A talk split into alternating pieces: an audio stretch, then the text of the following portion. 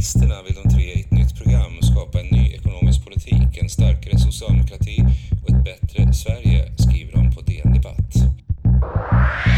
Yes. Rullar vi? Ja. Hej och välkomna till det sjunde avsnittet av Reformistpodden. Hej! Hej Sara. Hej. Hur står det till? Jo, men det är fint. Hur är det med dig? Det är bra.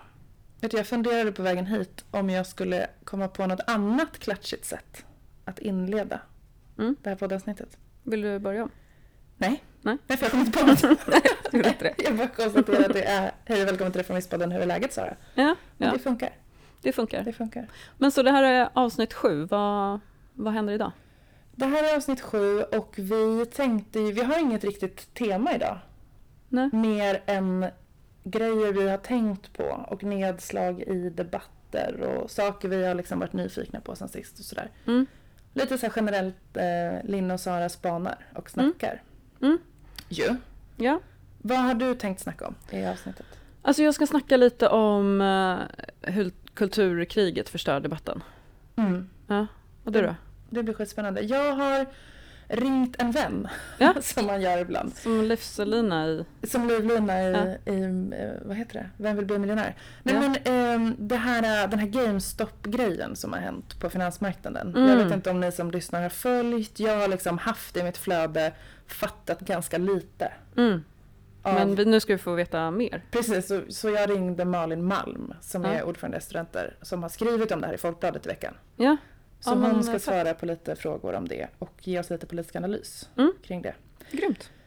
Men innan vi gör de nedslagen så tänkte jag att vi ändå, jag vill ändå säga någonting om Tavelgate. Ja, det kanske ska göras. Det, det tänker jag att vi behöver säga någonting om. Jag vet inte om alla har sett det här eller följt det här. Det kanske är väldigt Twitter-internt för oss som är där. Det kan vara så. Det kan vara så. Men det har ändå kommenterats av eh, politiska företrädare och, och ledare. Eh, och hela Tavelgate då, som jag nu väljer att rubricera det, Mm. är ju att Centerpartiets arbetsmarknadspolitiska talesperson har tagit emot ett pris av Centerstudenter som årets par- eh, riksdagsledamot, va? Eller? Ja, typ. Typ så. Mm. Årets centerpartist så. Och fick då en tavla av sig själv framför en brinnande LO-borg. Mm. Och det gick vi ju taket över, liksom många. Eh, inom våran eh, del av, eller liksom inom arbetarrörelsen.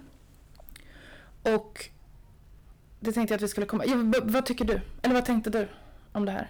Vill du säga någonting? Ja, alltså vi, vi kanske ska säga att det, när vi spelar in det här så är det söndag och det här var ju liksom det som var på Twitter under lördagskvällen. Så Mm. vet vi ju inte hur det här har hunnit utveckla sig innan, innan torsdag när, när det här avsnittet släpps. Men eh, ja, vad tycker jag? Jag eh, tycker generellt att man inte ska liksom fästa för stor vikt vid den här typen av grejer. Och jag, jag, jag vill gärna också kunna förbehålla mig rätten att så här, lyssna på Eva Grön och eh, liksom, tycka att det är kul med politisk satir och sådär. Jag tycker inte det här var roligt, men jag blir inte heller upprörd. Nej. Nej, och det jag tänkte var, och som jag också skrev någon tweet om igår eller sådär. Det var ju såhär, ja det här var ju lite väl bildligt, höhö, till och med Mm. för Centerpartiet. Ehm, men det kan vi ju inte vara så förvånade över. Att de hatar att de fackföreningsrörelsen. hatar Nej, LO. nej. Eh, och jag tror inte att de vill bränna ner LO-borgen. Nej, det finns ju väldigt lite så klangbotten som, som, som inskärper något allvar. Det är liksom inte högerextremister som har gjort det här. Det hade ju på något sätt gjort, gjort det mer allvarsamt. Precis. För mig i alla fall. Ja. Eh, och det som, sen blir jag skitlack. Jag tycker att det är jätteonödigt och jätte, framförallt så har jag också sett, eh, såg en väldigt eh, eh, klok eh, eh, tweet om det. Min eh, kompis och tidigare kollega Max Karlsson som är vänsterdebattör eller skriver en del i eh, ja, Mm. Han är, aktiv, är fackligt aktiv och skriver mycket kloka saker. Han Mm. sa det så här, ja men be right back då. Jag ska bara tala om för alla mina skyddsombudskompisar och liksom fackligt förtroendevalda som är skitarga att de ska sluta vara arga för att det är en överreaktion. Alltså det, det är också en, Mm, folk har blivit det. arga på riktigt för att de tycker att så här, det här är ett hån mot den kampen som de driver varje dag på sin arbetsplats. Och det är ju en sak. Mm. Och då får man bli lack tänker jag. Ja. Men det är ju också det här, det som jag kanske himlar lite med ögonen åt i, igår och fortsatt idag. Det är ju de här liksom, ja, nu ska vi kräva att Annie Lööf fördömer Mm. det här. Och jag känner bara, varför ska vi göra det? De hatar ju facket. ja, men precis. Det här Och är ju de kommer ju fortsätta driva en antifacklig klasshatspolitik Mm. med eller utan tavla. Ja, Och, och, med, och, eller utan, urs, med eller utan ursäkt för tavla. Ja, och med eller utan eh, Martin Ådahl. Alltså även om, Ja, även ja. om han då så här, eh, om man tänker att han har agerat så olämpligt, även om han då inte skulle vara på den posten han har, så skulle det vara någon annan som tycker exakt likadant. Ja men precis. Alltså det spelar liksom ingen roll. Precis. Så att det, vi, det jag kanske... Vi behöver inte diskutera det här jättemycket längre. Vi kan konstatera det hände. Det var kanske lite väl ärligt till Ja. och med av Centerpartiet. Ja, Nu vet vi återigen vart vi har dem. Och så känner jag bara så här, ögonen på bollen politiskt. mm. Sossarna. Ja. Och arbetarrörelsen. alla. Alla. Ja, alltså jag tänker, jag skulle vilja bara jättekort säga något om, om det här med vaccinationsordningen. Eh, eftersom att jag, jag, jag tog upp det i ett tidigare avsnitt, det, när, vi, när vi pratade välfärd om vilka som borde stå sist i kön till vaccinationerna, alltså de som typ har festat och gjort massa olämpliga Mm. saker. Men, men jag har nya kandidater till Ja. vilka som ska vara sist i kön. Låt höra. Eh, det är olika moderater som har varit ute och eh, ondgjort sig över att socialt utsatta grupper prioriteras i, i vaccineringen. Ja. Eh, och eh, jag har liksom en, en, liksom, en särskild kandidat i Oliver. Rosengren. Oliver Rosengren. Han är allra, allra sist i din, Allra, allra sist. i din vaccinkö. Han är typ socialnämndens ordförande i Växjö. Mm. Eh, som i sin gärning då som socialnämndens ordförande i Växjö har sett till att personer som får ekonomiskt bistånd ska eh, tvingas in och arbeta i pandemin med typ att tillverka skyddsvisir och sådär. För att de ska få rätt till sitt ekonomiska bistånd. Ja men precis, som de har rätt till enligt lag, men då han vill ställa det som motprestation.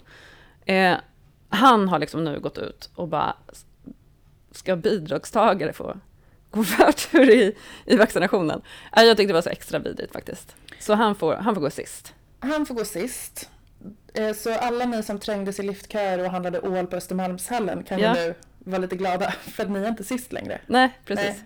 Nej, ni har passerat. Men det som, eh, alltså jag håller verkligen med dig och jag tycker att det här är liksom det är också extra vidrigt, dels på grund av den här Växjö-historien där det liksom Mm. då tidigare har krävts motprestation i arbetet med att förhindra smittspridningen. Mm. Men det är också extra vidrigt till och med för Moderaterna för att de vet precis vad de gör.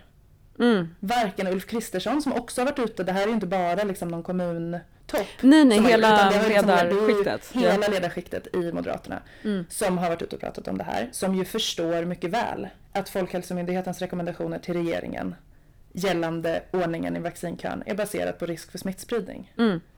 Det vet ju de. Mm.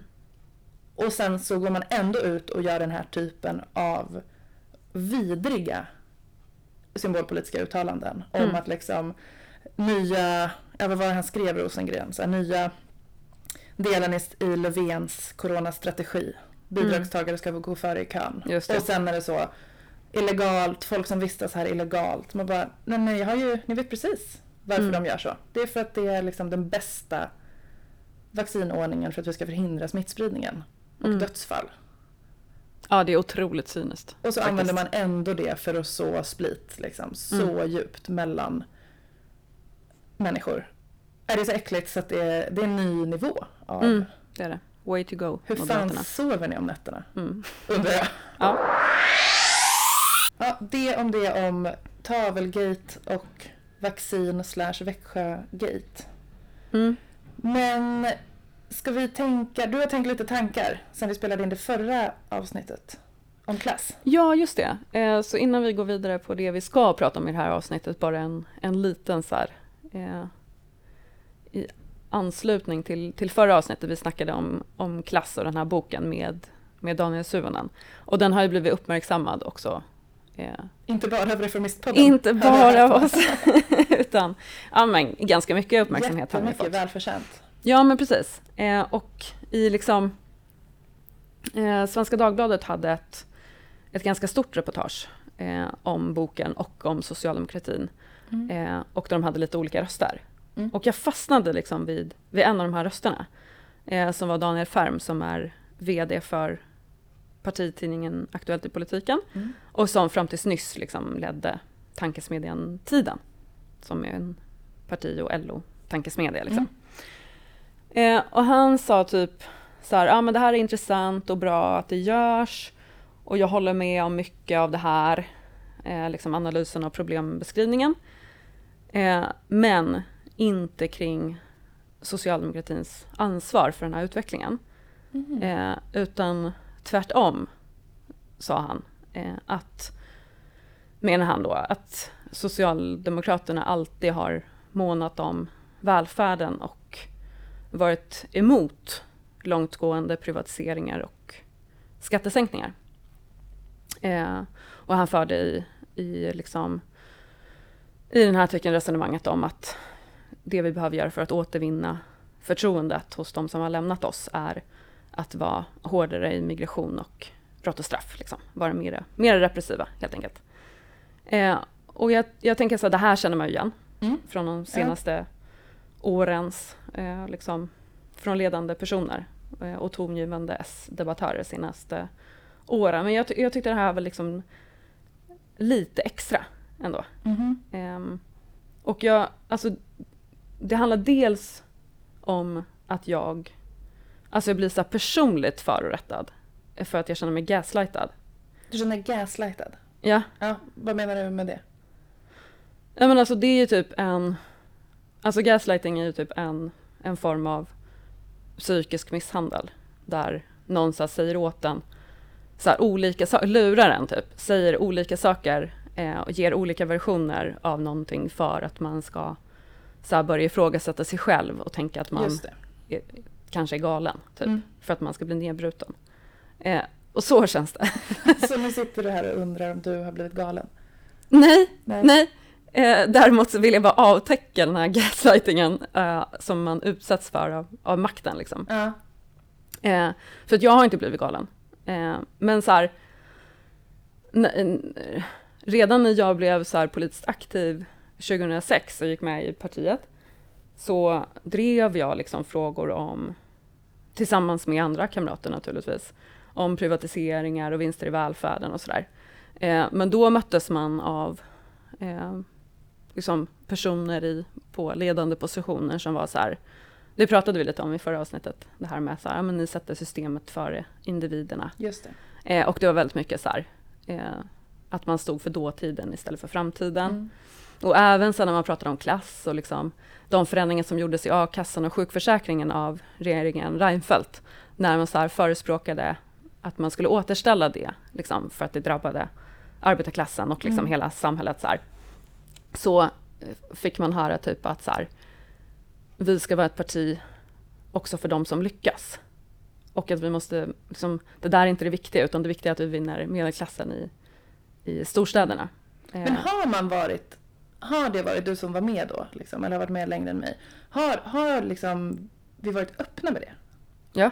Att det var en strategi? Så här, nu, ska vi, nu är det medelklassen som är fokus. Absolut. Absolut. Absolut. Eh, så det var ju det man fick till sig. Liksom.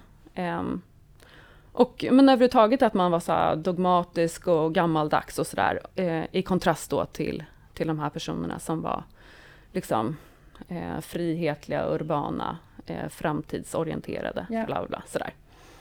Eh, och ja, men det kan man väl tugga i sig, man tycker olika och sådär.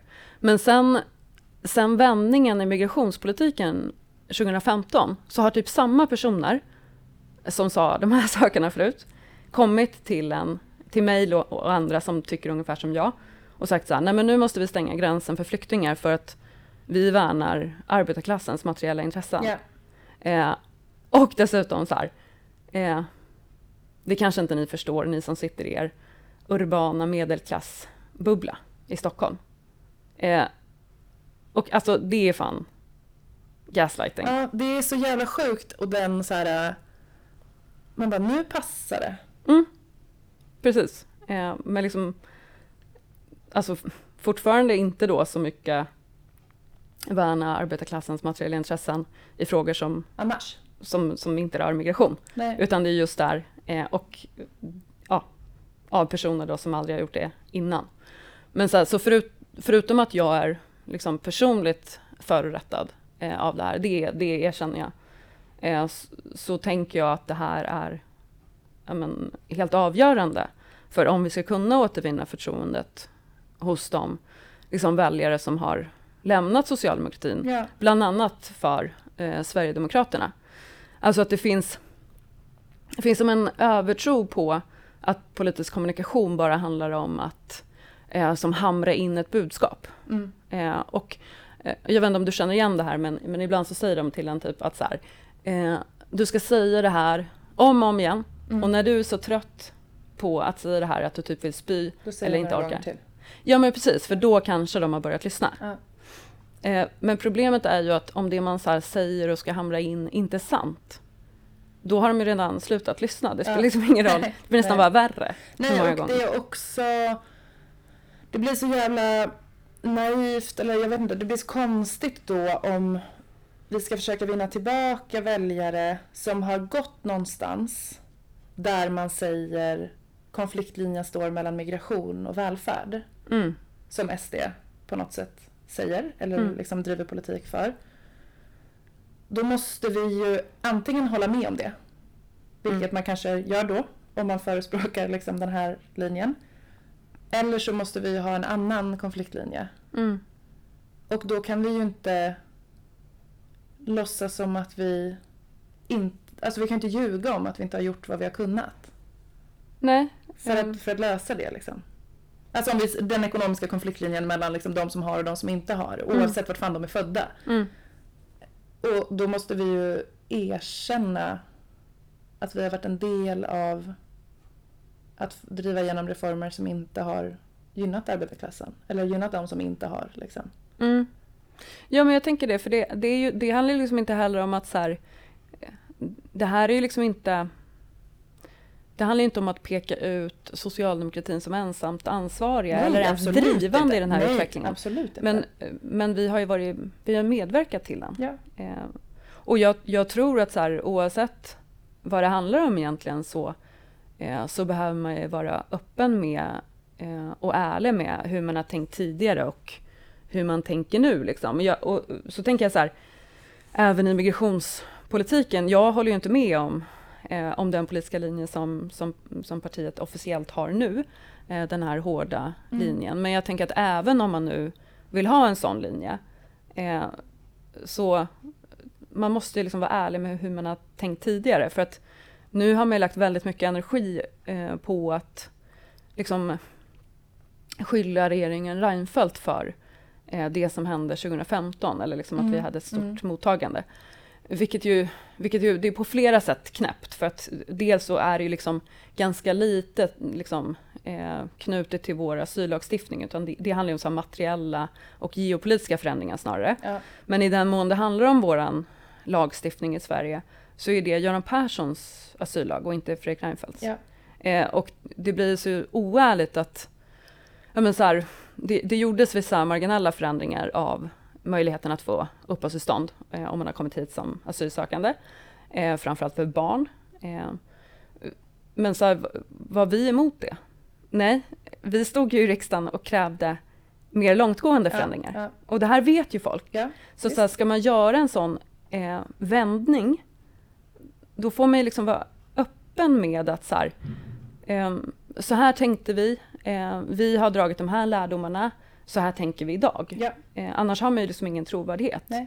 Och det är ju samma sak med det som rör så här, klass och ojämlikhet och Privatiseringar. Här, privatiseringar, och, välfärden. Visst, visst. att så här, det är ju också så här, eh, frågor där vi över lång tid har haft en annan linje. Liksom. Eh, och du frågar så här, var det verkligen så att man öppet ville jag, liksom, vara ute efter medelklassen? Ja, läs valanalyserna 2006, 2010, i viss mån även 2014, så är det uttalat. Eh, och det var ju liksom utifrån det man byggde också strategi sen. Och så de, de valrörelser som jag varit med i och de så valstrategier som jag har varit med om har ju handlat väldigt mycket om det. Alltså mm. där man har tagit arbetarklassen för given. Så här. De ska bara mobiliseras, vi behöver inte ha politiska förslag riktade till dem. Utan man har liksom fokuserat på medelklassen. Eh, och så här, men så här, gällande vinster i välfärden så, men det, det, är ju först nu på senare tid som, som vi som parti typ erkänner att det finns ett problem. Mm. Alltså, jag har levt liksom, med det här partiet under lång tid när, när det officiella budskapet var eh, att vi ska fokusera på kvalitet och inte driftsform. Yeah. Alltså att man var så här uttalat blind inför att så här, privatiseringarna och liksom eh, de system man har skapat är problem i sig. Att det inte bara handlar om att man inte har ställt tillräckligt, bra kvalitetskrav. Liksom. Um, och jag, jag tänker liksom inte att så här, jag tänker inte att man behöver be om ursäkt för något, eller alltså det är inte det jag är ute efter, utan bara så här... Säg som det är. Ja, ja, exakt så. Eh, alltså för att vi får såna jävla trovärdighetsproblem. Det här skaver så i mig. Liksom. Ja. Eh, så jag tror, alltså Daniel Fem sa i den här, nu får ju, alltså det är ju många fler personer än Daniel Färm absolut, som har varit. Absolut. För det får man väl säga att så här, Daniel Färm är ju en sån person som, han har ju liksom utgjort makten under hela den här tiden. Ja, alltså, han har ju aldrig varit helt så på toppen, men han har liksom alltid funnits med och jobbat på partikansliet eller han var ett tag i konsultsvängen, men han har liksom varit med i och varit en del av makten liksom, eh, i partiet under lång tid och varit med i alla svängningar. Liksom. Eh, han är naturligtvis inte ensam om det, men han, han gör ju sig också lite till symbol för det här, så att han får, han får stå ut med att bli det också mm. nu i, här i den här podden, i det här avsnittet. eh, men han, i den här artikeln eh, då, om den här klassboken, eh, där han sa att, det här, att socialdemokratin inte har något ansvar för det här, så sa han så att hemläxan är eh, för Socialdemokraterna för att någon ska lyssna på vår välfärdspolitik är mm. att vara repressiva gällande migration och mm. brott och straff. Eh, men jag tänker verkligen att hemläxan är exakt det som du nyss formulerade, att så här, säg som det är. Ja, och det är så jävla intressant att läsa de där 752 sidorna. Om mm. Daniel Färm har läst alla 752. Jag ska erkänna att jag har inte gjort alla än. Nej, jag har men inte gjort det. liksom rapport för rapport, förlåt Daniel Suhonen. We're on it. Men det är så jävla spännande att läsa de 752, eller ens hälften av de 752 som jag har gjort och dra den slutsatsen. Mm. Jag kan inte för mitt liv förstå Nej. hur man drar den slutsatsen. Efter alla exempel som räknas upp av liksom konkreta skattepolitiska reformer, konkret förändring av liksom mm. kapitalinkomst, konkret, alltså det är så, det är så mm. många andra slutsatser. Verkligen. Man kan dra. Ja, vi har ju varit med och sänkt skatterna. Det är liksom inte Nej. Liksom, det var inte liksom, det, Reinfeldt har gjort massa skit, Många. men han har inte gjort allt. Nej, alltså vi har också varit där. Han har ställa till med. Mm. Ja, och mycket av den liksom liberala förskjutningen både politiskt och retoriskt och den här liksom sätt inte systemet framför individen, skiten mm. som uppenbarligen fanns för dig liksom 2006. Mm. Det började ju långt tidigare. Mm. Än 2006. Verkligen. Verkligen. Sen var Reinfeldt en jävla hejare på att sänka skatter och fucka upp det med mm. a-kasse a-kasseregler och, och fackliga regler och, och liksom allt möjligt. Men mm. jag tycker verkligen det är äh, förbluffande. Ja. Att det är den slutsatsen man drar. Mm, verkligen. Men så, ja, Daniel och andra får nu en hemläxa av oss. Och det är, säg som det är. För då kanske folk faktiskt lyssnar på oss. När vi vill hamra in våra budskap. Ja. Men okej, alltså en av, ehm, en av nackdelarna med att spela in podd varannan vecka är ju att det hinner hända saker som man skulle vilja prata om direkt. Men så får man vänta lite. Precis. Och en sån grej har du snackat med Malin Malm om. Precis. Jag tänker när du säger så Sara, att det kanske ändå är lite skönt i det här höga, för folk som tycker att det går för fort hela tiden. Mm. Det känns som att många är kritiska till att det går så fort och det är så många budskap och då kanske Reformistpodden kan vara en oas. Där man får landa lite. Det går lite långsamt. Det går lite långsammare. Man ja. hinner liksom tänka på nyheterna ett par varv mm. innan vi grottade oss man har hunnit konstatera mer än en gång att jag fattar inte det här. Precis. Och sen har man försökt liksom fatta det och så har man ändå inte lyckats fatta det. Nej. Så här är det i alla fall för mig. Och mm. den här liksom GameStop-historien. Ja. Som vi nu har ringt en vän om. Mm. För alltså, ja, bakgrunden som jag kan förklara utan att jag fattade någonting när jag pratade med Malin. Mm. Det var ju att alla bara pratade om GameStop och aktier helt plötsligt. Återigen kanske lite Twitter internt. Men det var liksom väldigt mycket i flödet här för några dagar sedan, Mm. den här veckan. Och sen så försökte jag förstå det. Det gick inget bra. Och sen läste jag, och du ju, eh, texten som Malin Malm Mm, har skrivit precis. i Folkbladet. Så den ringde vi henne Mm. och snackade med henne om. Och nu tror vi att vi fattar. Mm. Kanske. Kanske. Ja, eh, jag ska försöka ge den korta historien. Eh, en av de så här stora förändringarna för mig har ju varit att jag har fått en inblick i hur finanssystemet funkar, finansmarknaden. Eh, för det är väldigt mycket av en marknad i en marknad och väldigt, väldigt abstrakt på så många sätt. Men det börjar i alla fall med, eh, historien börjar ju med GameStop. Det är ett amerikanskt eh, tv-spelsföretag, eh, säljer tv-spel i en fysisk butik. Ehm, och det företaget har kämpat med det nya liksom, marknadslandskapet för eh, tv-spel under väldigt lång tid. Vilket har gjort att stora institutioner, finansinstitutioner, hedgefonder, har eh, satsat på att värdet på den här aktien skulle gå ner över tid. Och det gör man på ett sätt som kallas blankning. Det är ganska vanligt att man blankar, ehm, men det går ut på att man egentligen köper eller hyr ett kontrakt som ger en rätten att äga en aktie över en period. Man lånar den liksom av en annan person. Ehm, och för att du ska kunna göra vinst när värdet sjunker, då säljer du den direkt på marknaden. Eh, och så väntar du tills eh, hyrperioden börjar närma sig sitt slut och då köper du in en ny eh, och lämnar tillbaka den. Och så tar du mellanskillnaden i egen ficka. Ehm, och det som var unikt med GameStop, det här är väldigt vanligt att det händer, eh, att man gör så. Men det som var unikt med GameStop var den otroliga omfattningen man gjorde det på. Eh, över 140% av alla aktier var så kallade blankare, vilket betydde att varje enskild aktie som existerade eh, Eh, hade hyrts mer än en gång samtidigt. Ehm, och det gör ju att om priset skulle öka så skulle efterfrågan på de här aktierna bli enorm eh, oändlig i teorin. Eh, och det var det som upptäcktes, det var det som orsakade liksom den här explosionen. Och det ledde till att man försökte göra en så kallad short squeeze, som det heter. På e- svenska blir short en blankning på engelska. Det har också hänt för. Eh, 2008 var senaste gången eh, då det hände. Eh, jättemånga institutioner blankade i Volkswagen, eh, bilföretaget. Och så kom det en annan stor institution, i det här fallet var det ett annat bilföretag, Porsche, som, eh, som eh, ville klämma åt dem och gjorde det. Men det som är extra unikt med den här gången är att det är småsparare som har drivit det. Eh, vanlig, vanligt folk med appar som har köpt jättemycket aktier, hoppats på att värdet skulle öka, vilket det gjorde och ledde till att de här institutionerna var tvungna att liksom köpa, den till, köpa tillbaka aktier till överpris. Liksom egentligen det här är ett tecken på hur finansmarknaden inte fungerar. Alltså, det är ju ren spekulation. Alltså värdet på företaget har inte förändrats. Det har inte hänt någonting jättestort. De har bytt ut lite styrelsemedlemmar de senaste månaderna, vilket var ett av skälen, en av tändande gnistorna till att folk började kolla på den här närmare. Eh, men det, det är ju ren spekulation. Man tror att efterfrågan på den här aktien kommer öka just för att institutionerna har förbundit sig till att köpa tillbaka dem förr eller senare. Ehm, och så köper man och hoppas.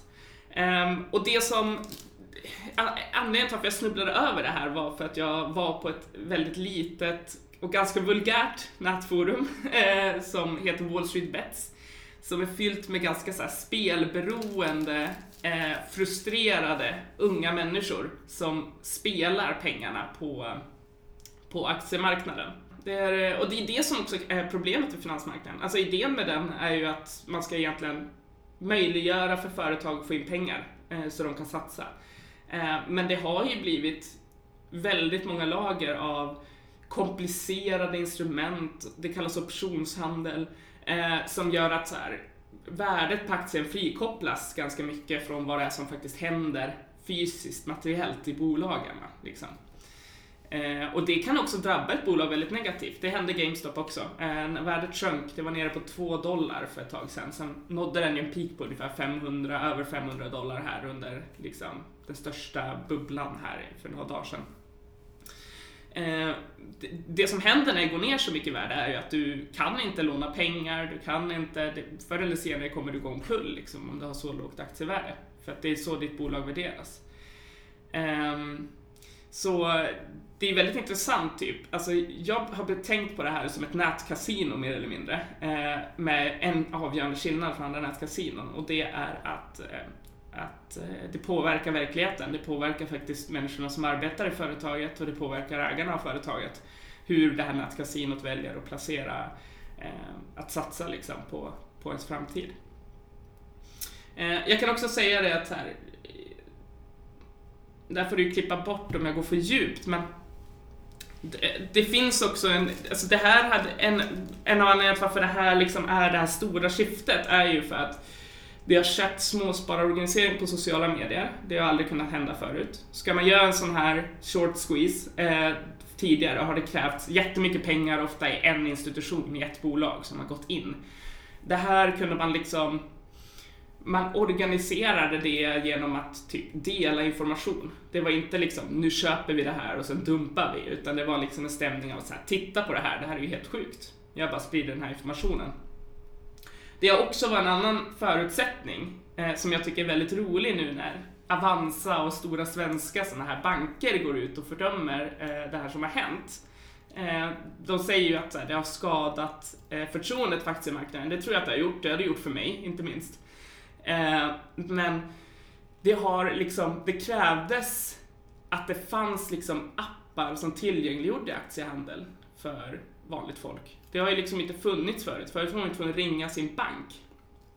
Eh, och det som har klivit in, i USA har det gått längst, i Sverige finns det sådana tendenser. Men det är eh, appar som egentligen försöker förvandla bilden av aktiemarknaden för småspararen till en kasinoverksamhet. Den värsta av dem är Robin Hood, eh, som den heter i USA. Och de, de har till och med ett aktielotteri. Eh, delar du en länk till en vän och de gör ett användarkonto får du en slumpmässig aktie. Det blir så ett lotteri och så får du en aktie.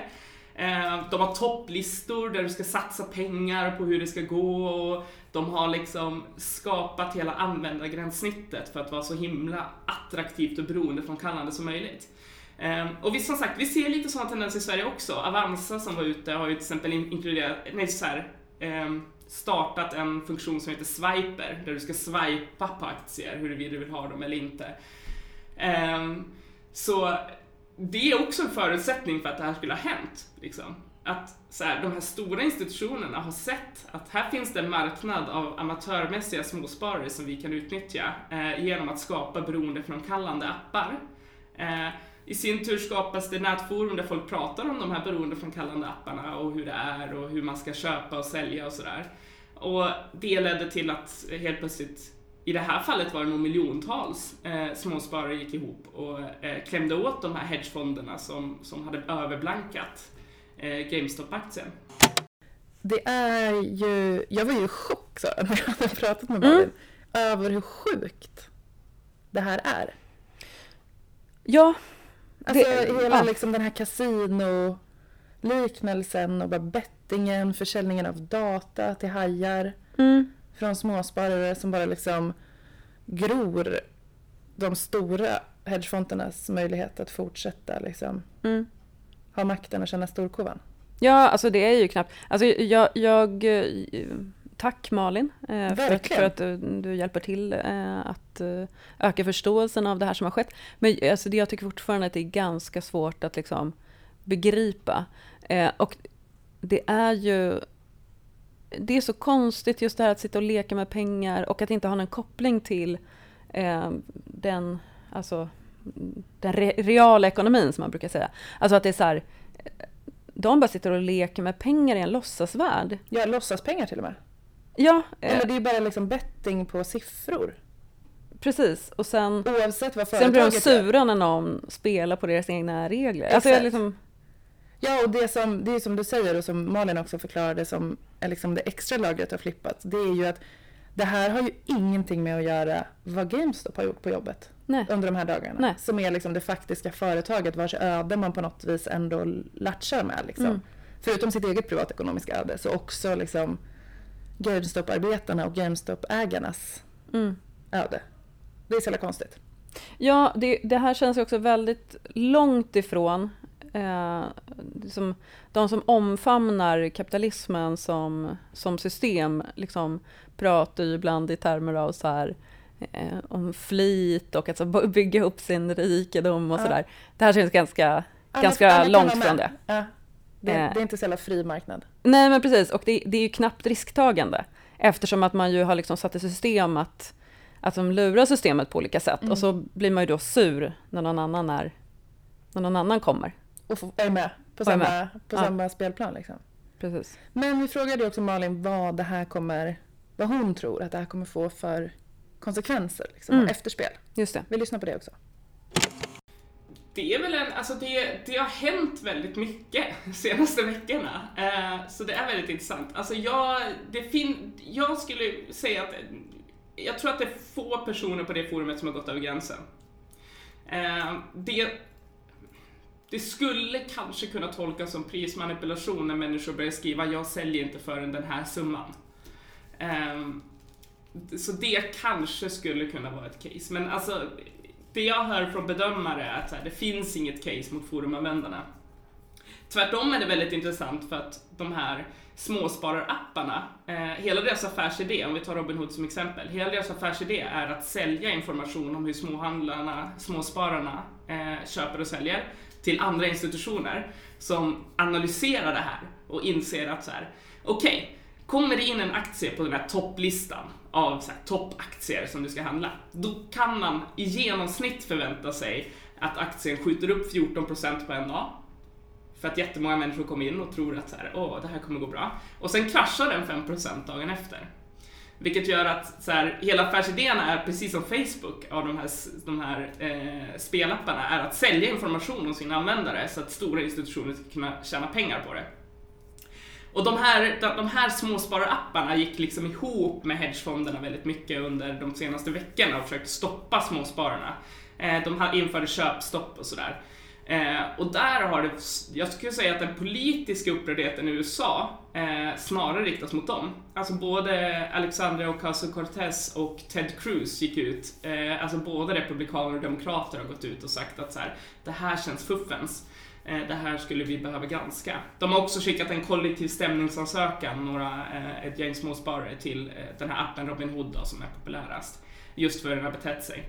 Så, så här, jag tror att det kommer bli juridiska konsekvenser.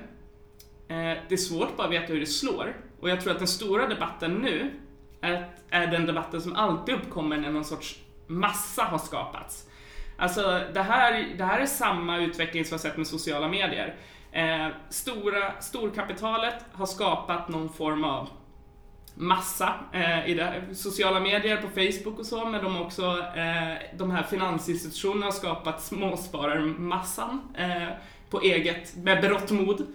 Eh, och, eh, och sen när det visar sig att det förändrar maktförhållandena, i det här fallet på finansmarknaden, men tidigare har det ju också varit på vem som äger rätten att, att formulera en sanning eh, Eh, då blir det väldigt obekvämt och i synnerhet för de som på gott och ont, vill jag säga, eh, gynnas av de etablerade systemen. Jag tror att det här kan vara dåligt för finansmarknaden, men jag tror också att det finns ett stort egenintresse av de här stora institutionerna nu att säga ni ska inte vara med längre, det här skapar bara instabilitet, det här blir jobbigt. Så jag hoppas att reformerna vi kommer se, eh, som jag tror vi måste se i finansmarknaden, den kommer snarare riktas mot förmågan att överblanka en aktie över 100% som de har gjort. Eh, det kommer riktas kanske mot hur beroendeframkallande du kan skapa apparna. Eh, sådana reformer snarare än eh, riktat till att småsparare inte ska kunna vara med i spelet överhuvudtaget. Liksom. Ja men fan, vad, vad bra, vad tryggt att ha Malin Malm som inte bara kan förklara blankning och uh, short squeeze. Short squeeze.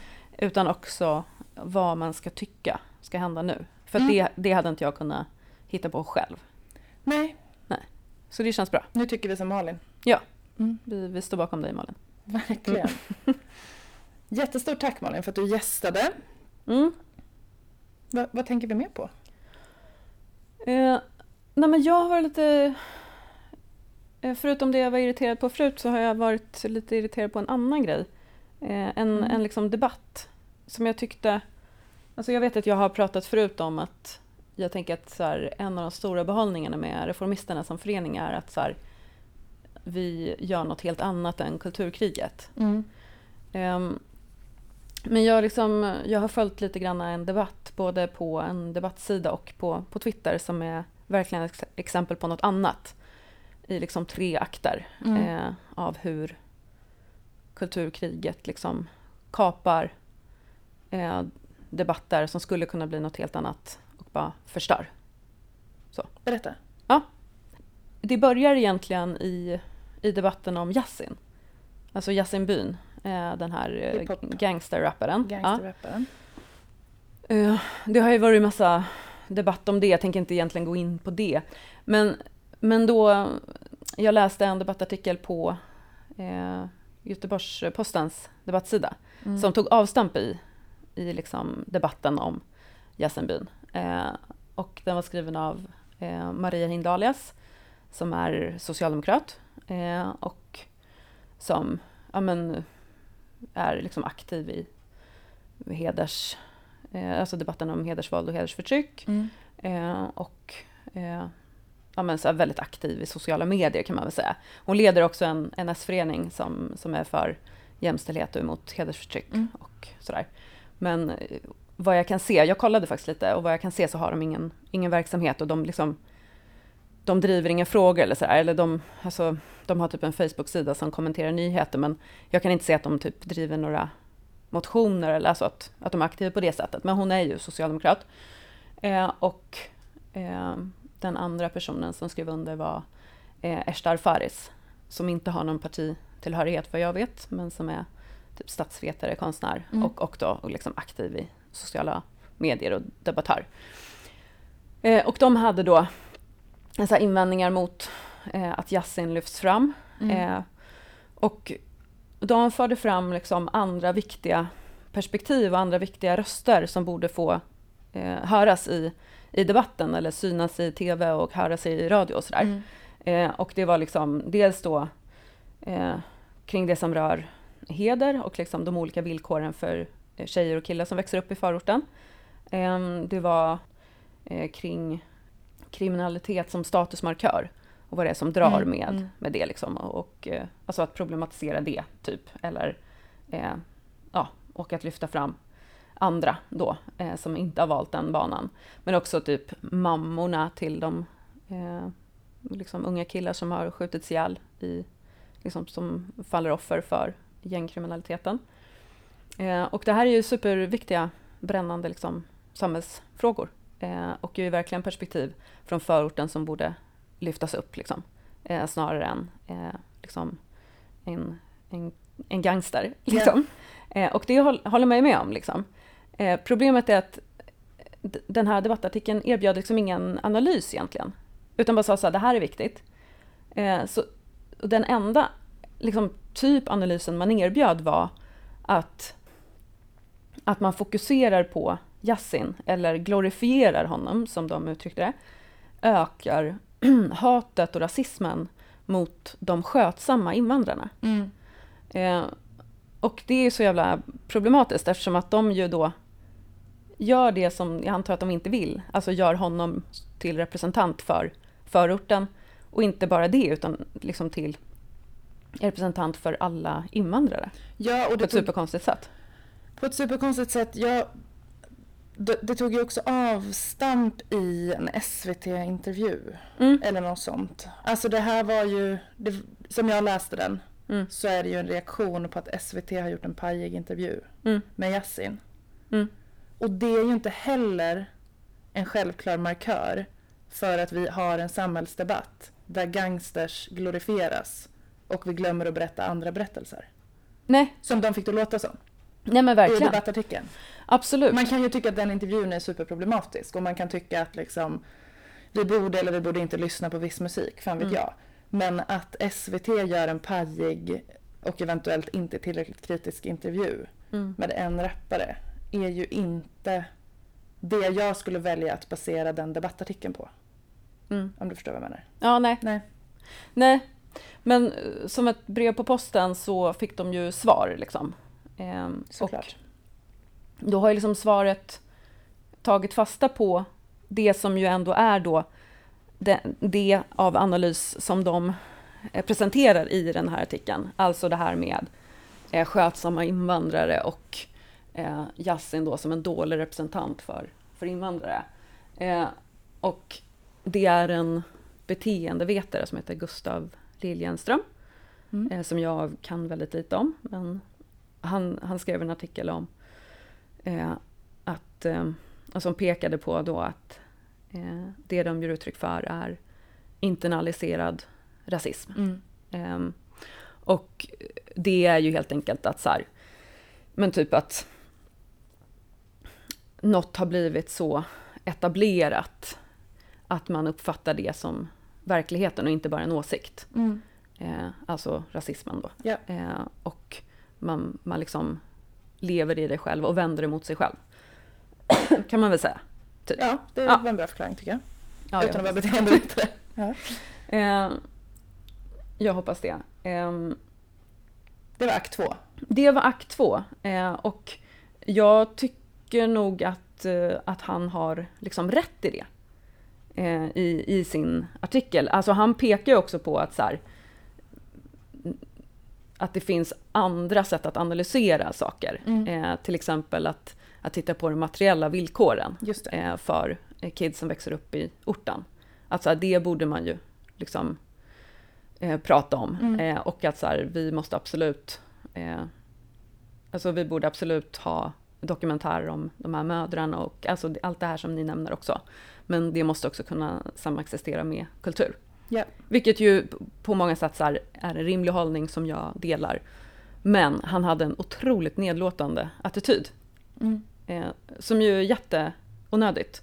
Eh, och alltså om man tänker att den första artikeln gjorde misstaget i att ha liksom klon, det här med att Yasin gör det dåligt för oss skötsamma invandrare. Yeah.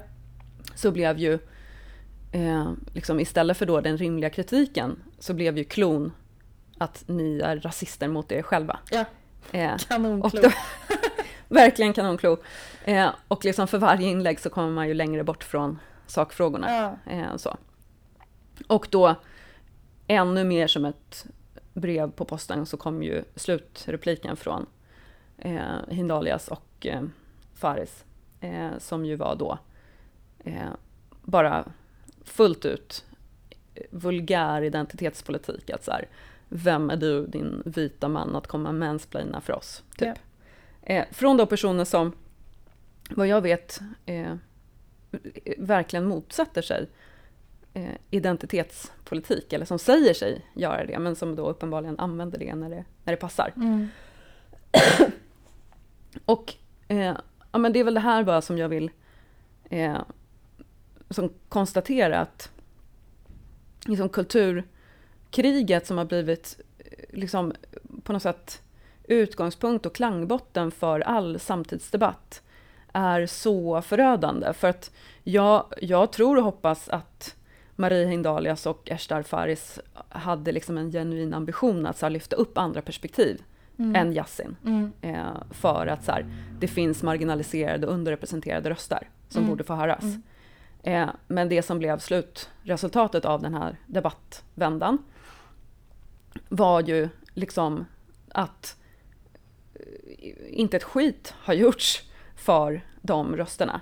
Utan eh, det, det enda liksom som blir resultatet är att olika liksom, högermän har applåderat det här i sociala medier. Perfekt. Och man liksom befäster en jätteskev eh, syn på att antirasism är att lyssna på personer med invandrarbakgrund oavsett vad de säger Istället för att antirasism är liksom värderingar och analysverktyg. Ja, och motstrategi. Liksom. Mm. Konkret politik som gör någonting annat. Det är väl mm. det som är... Alltså man, för att vi då ska undvika att bli ännu ett gäng som sitter och pratar om, liksom, eh, om det, eller liksom om kulturkriget, så är det ju jag håller verkligen med dig i så här, det här är ju, det är så förödande för förmågan att ha ögonen på bollen politiskt. Liksom, mm. Och förmågan att faktiskt driva en politik som förändrar de materiella förutsättningarna. Mm. Och det är väl också det som gör det så... Ja men det är så jävla dumt att ha den ingången. Mm. Både ingången och utfallet. Jag Ja. tycker ingången är onödig också. Jag, jag, eh, alltså, utan som sagt att vara helt inne i det eller ha lyssnat på musiken eller så här. Kan vi inte bara problematisera vad grogrunden till rekryteringen till kriminalitet är? Som ju är liksom på många sätt rent liksom materiellt samma grogrund. Som gör att flickor fortsätter vara, befinna sig i liksom hederskulturer och Mm. i... Ja, det är så dumt. Ja men det är så jävla dumt. Ehm, och om alla bara var lite mer historiematerialister skulle, skulle allt vara mycket bättre. Ja, Som, som oss i Reformisterna. verkligen. För nu har ju vi ägnat då en stund till att prata om det här på ett meta-sätt. Mm. Men jag tänker att så här, det som vi gör som förening är ju just att så här, göra antirasism i praktiken. Ja, och driva politik. Ja. Alltså det är det. Debattsidor är all jävla ära. Mm. Men man får ju också, vi behöver ju också driva en politik som förändrar någonting och gör skillnad. Och då behöver vi inte bara prata om allt som alla pratar om, liksom, eller inte pratar om. Mm. Utan då får vi ju liksom, det är ju bra, en bra grej att säga när man driver en podd, Mm. men då får man liksom göra det också. Ja, men alltså jag tänker vi ägnade hela förra avsnittet åt att prata om, eh, om klass och hur klass har blivit, fått färg eh, Ja. och liksom, o, liksom den stora ojämlikheten, revorna i välfärdssystemen och liksom välfärdssamhället eh, Ja. eh, och vad vi borde, borde göra istället. Liksom. Eh, och som förening så ägnar vi massa kraft och energi åt att liksom, försöka förbättra villkoren för, för folk, eh, oavsett Verkligen. vart man kommer ifrån. Ja. liksom. Sen har ju vi som förening eh, ett jobb att göra också i att organisera fler, till exempel från Gud, förorten. ja. För att det är ju liksom grupper som är underrepresenterade vad gäller politisk makt. Eh, för det är ju också, alltså en, en eh, viktig antirasistisk strategi är ju också att liksom tillsammans sätta verktyg i händerna på fler. Eh, att påverka sin egen situation och vara med och påverka hela samhällsutvecklingen. Ja, men summa summarum av det här avsnittet Sara, om vi ska försöka knyta ihop säcken lite. Mm. Går det? Det går. Mm. Här kommer, här kommer summeringen. Är du med? Håll Ja, den. ja. Eh, problemet med Centerpartiet är inte en antifacklig tavla, Nej. utan antifacklig politik. Ja, Det har vi konstaterat. ja. Eh, Wall Street och finansmarknaden kan inte bli arga på oss när vi är med på samma regler som de satte upp Nej men för precis. finansmarknaden. Och vi ska ändra på reglerna lite. Och vi ska så man inte kan planka så jävla mycket. Det har Malin Malm lärt Ja. oss. Eh, vi vill skicka med Daniel Ferm med flera, att de ska säga som det är Mm. och att eh, slut tanken vi tänker efter att ha läst jättebra rapporter om klass från Mm. Katalys är fan inte att det är migrationspolitiken som är problemet. Nej. Ehm, ja, och sen slutligen då. Man borde inte hålla på med kulturkrig, man borde hålla på med reformism. Precis. IS-föreningen Reformisterna. Och Moderaterna, ni ligger sist i Just det! Det får man inte glömma. Det får man inte glömma. Oliver Rosengren. Sist i Sist i vaccinationskön. Ja, Och det är väl det för det här avsnittet. Mm. Precis. Och eh, fortsätt höra av er. Bra! Ja. Då tar vi söndag kväll. Ja. Tack, Tack för för att ni har lyssnat. Hej då! Hej.